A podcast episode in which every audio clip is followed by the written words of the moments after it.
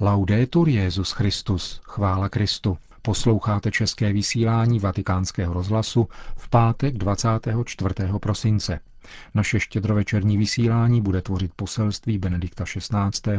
pronesené dnes na vlnách BBC k obyvatelům Velké Británie a potom homílie otce Richarda Čemuse. Hezký poslech. Recalling this fun is my visit to United Kingdom last September s dojetím vzpomínám na svou čtyřdenní návštěvu Spojeného království letos v září a těší mne, že mám příležitost vás opět pozdravit, ba dokonce se obrátit se svým blahopřáním k vám posluchačům, ať jste kdekoliv v tomto čase přípravy na slavení Kristova narození. Naše myšlenky se vrací do oné historické chvíle, kdy Bohem vyvolený lid, synové a dcery Izraele prožívali intenzivní očekávání, vyhlíželi Mesiáše, kterého Bůh slíbil poslat a popisovali jej jako velkého lídra, který je vysvobodí z cizího područí a vrátí jim svobodu. Bůh je svým příslibům vždycky věrný, ale často nás překvapí způsob, jakým je plní. Dítě narozené v Betlémě přineslo osvobození, ale nejenom pro lidi té doby a toho místa. Stal se spasitelem všech a všude na světě, v každé historické době. Osvobození, které přinesl, není politické, uskutečněné vojenskými prostředky, ale naopak Kristus navždy zničil smrt a svou potupnou smrtí na kříži obnovil život. Třeba, že se narodil v chudobě a ve skrytu daleko od center pozemské moci, byl synem božím.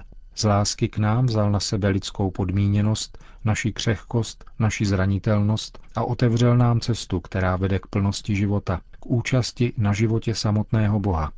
Rozjímáme-li ve svých srdcích o tomto velkém tajemství Vánoc, děkujeme Bohu za jeho dobrotu vůči nám a zvěstujeme s radostí všem okolo dobrou zprávu, že nám Bůh nabízí svobodu od všeho, co nás svazuje, dává nám naději a přináší život.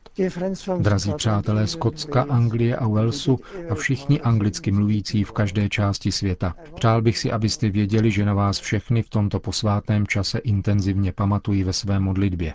Modlím se za vaše rodiny, za vaše děti, za nemocné, za všechny, kteří v tomto čase trpí jakýmkoliv soužením. Modlím se zejména za staré lidi a za ty, kdo se blíží ke konci svých dnů.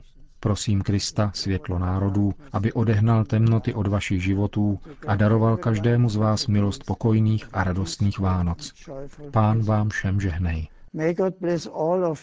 Řekl dnes Benedikt XVI. na vlnách BBC. A nyní následuje štědrovečerní homílie, kterou otec Richard Čemus nazval Pohádka Vánoc a neb Říkej mi táto. Natale con i tuoi, Pasqua con chi vuoi. Vánoce slav jen s tvými, Velikonoce i s cizími, říká italské přísloví. Vánoce a rodina to patří pospolu. A nebo, vyjádřeno jinak, o Vánocích patří rodina dohromady. Chudák, kdo tráví štědrý večer sám. K rodině patří děti. O Vánocích se všechno točí kolem nich a dospělí se rádi podřídí. Nic si nepřejí víc, než uvidět zářící dětské tváře při jejich radostném rejdění kolem stromečku a dychtivém rozbalování dárků. Děti vlastní klíč ke kouzlu štědrého večera. Počívá v jejich nevinnosti, bezelstnosti v jejich velkých důvěřivých očích, v jejich víře, dobro a lásku. Kdo by si nepřál vstoupit s dětmi o Vánocích do jejich pohádkového světa? Kdo by alespoň o Vánocích nechtěl věřit, že dobro zvítězí nad zlem? Proto patří k Vánocům i pohádky. Kdo by se rád nepodíval na princeznu se zlatou hvězdou na čele, teď by znal už na spaměť. Kouzelné na pohádkách není jen to, že dobro nakonec vždycky zvítězí, ale to, jak celá příroda ožije všemi druhy dobrých skřítků a pohádkových bytostí, které ze všech sil slouží člověku. Člověk rozumí hlasu zvířat, rostlin, řek i skal, které nosí lidská jména a mají lidskou tvář. Jak nádherně vyjádřil tento zázračný dětský svět Jiří Zmožek v písni Říkej mi táto, podání Jakuba Smolíka a Viktorky Genzerové. Ukázal, že ten pohádkový svět stojí a padá s láskou, kterou dítě potřebuje, aby se před jeho zrakem ten svět otevřel a ono mohlo do něj vstoupit. Říkej mi, táto, že jsem tvý zlato, že jsem tvá princezna, poklad tvůj bez dna. Říkej mi, táto, že jsem tvá pohádka, panenka maková, smíšek a amálka, vochomůrka křemílek, Emanuel motýlek, že mě nikomu nedáš, že nic lepšího nemáš. Jako pohádka zní i Vánoční evangelium, kde lidé rozumí andělům ve snu, které Bůh vysílá důležitým poselstvím, dávným proroctvím i znamením hvězd. I zde se točí vše kolem dítěte, jednorozeného syna Boha Otce, věčného slova, které Bůh Otec vyslal v plnosti času, aby se stalo jedním z nás pro naši záchranu. Pod stromečkem mohou chybět dárky a Vánoce se obejdou i bez kapra s bramborovým salátem na štědrovečerním stole. Neobejdou se však bez lidí, kteří spolu sdílí radost z božího vlídného oslovení a sami spolu vlídně hovoří. Lidské slovo má velikou moc. Může zranit, zastrašit a vyroučit druhého, může jej ale naopak pozdvihnout, přísit k novému životu a ustanovit životodárné pouto. On si ji namluvil, ona si jej namluvila. Je obsání moci slova, ze kterého se rodí důvěrný styk a nový život. O co víc mocné je slovo Boží, které se stává tělem v Ježíši Kristu. Skrze ně se k nám Bůh Otec obrací a nabízí společenství s ním. Nenáhodou nám liturgické texty těchto dní nabízí obrazy manželského a rodinného života jako symbol životního spojení Boha s člověkem. Nebudeš se již nazývat opuštěná. Nebude se zem tvá nazývat osamělá. Bude tvým jménem ta, která se mi líbí, a jméno tvé země manželství daná. Neboť hospodin si v tobě zalíbil a tvá země dostane muže. Jako se jinoch snoubí s panou, tak si tě zasnoubí tvůj tvůrce, jako se raduje z nevěsty ženich, tak Bůh tvůj se potěší z tebe. Tolik Izajáš na vigílii slavnosti narození páně. Najde boží vtělené slovo s námi společnou řeč? Najdeme ji my s ním? Když ano, znovu objevíme duchovní dětství, cestu Evangelia, jak vejít do Božího království. Porozumíme opět řeči stromů, řek i skal, neboť to vše postalo stvořitelovým slovem, které nepřestává ve všem kolem nás znít, nám promlouvat, ty nás namlouvat.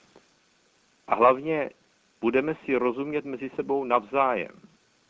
Není k tomu třeba žádné magické zaklínadlo, jen srdce upnuté z hůru, které volá Abba Otče.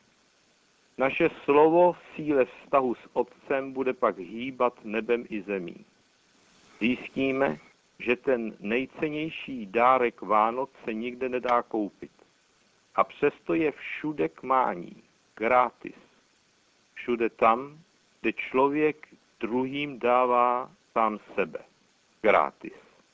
Dosvědčuje tím, že v nebi máme Otce a my všichni že jsme jeho rodina.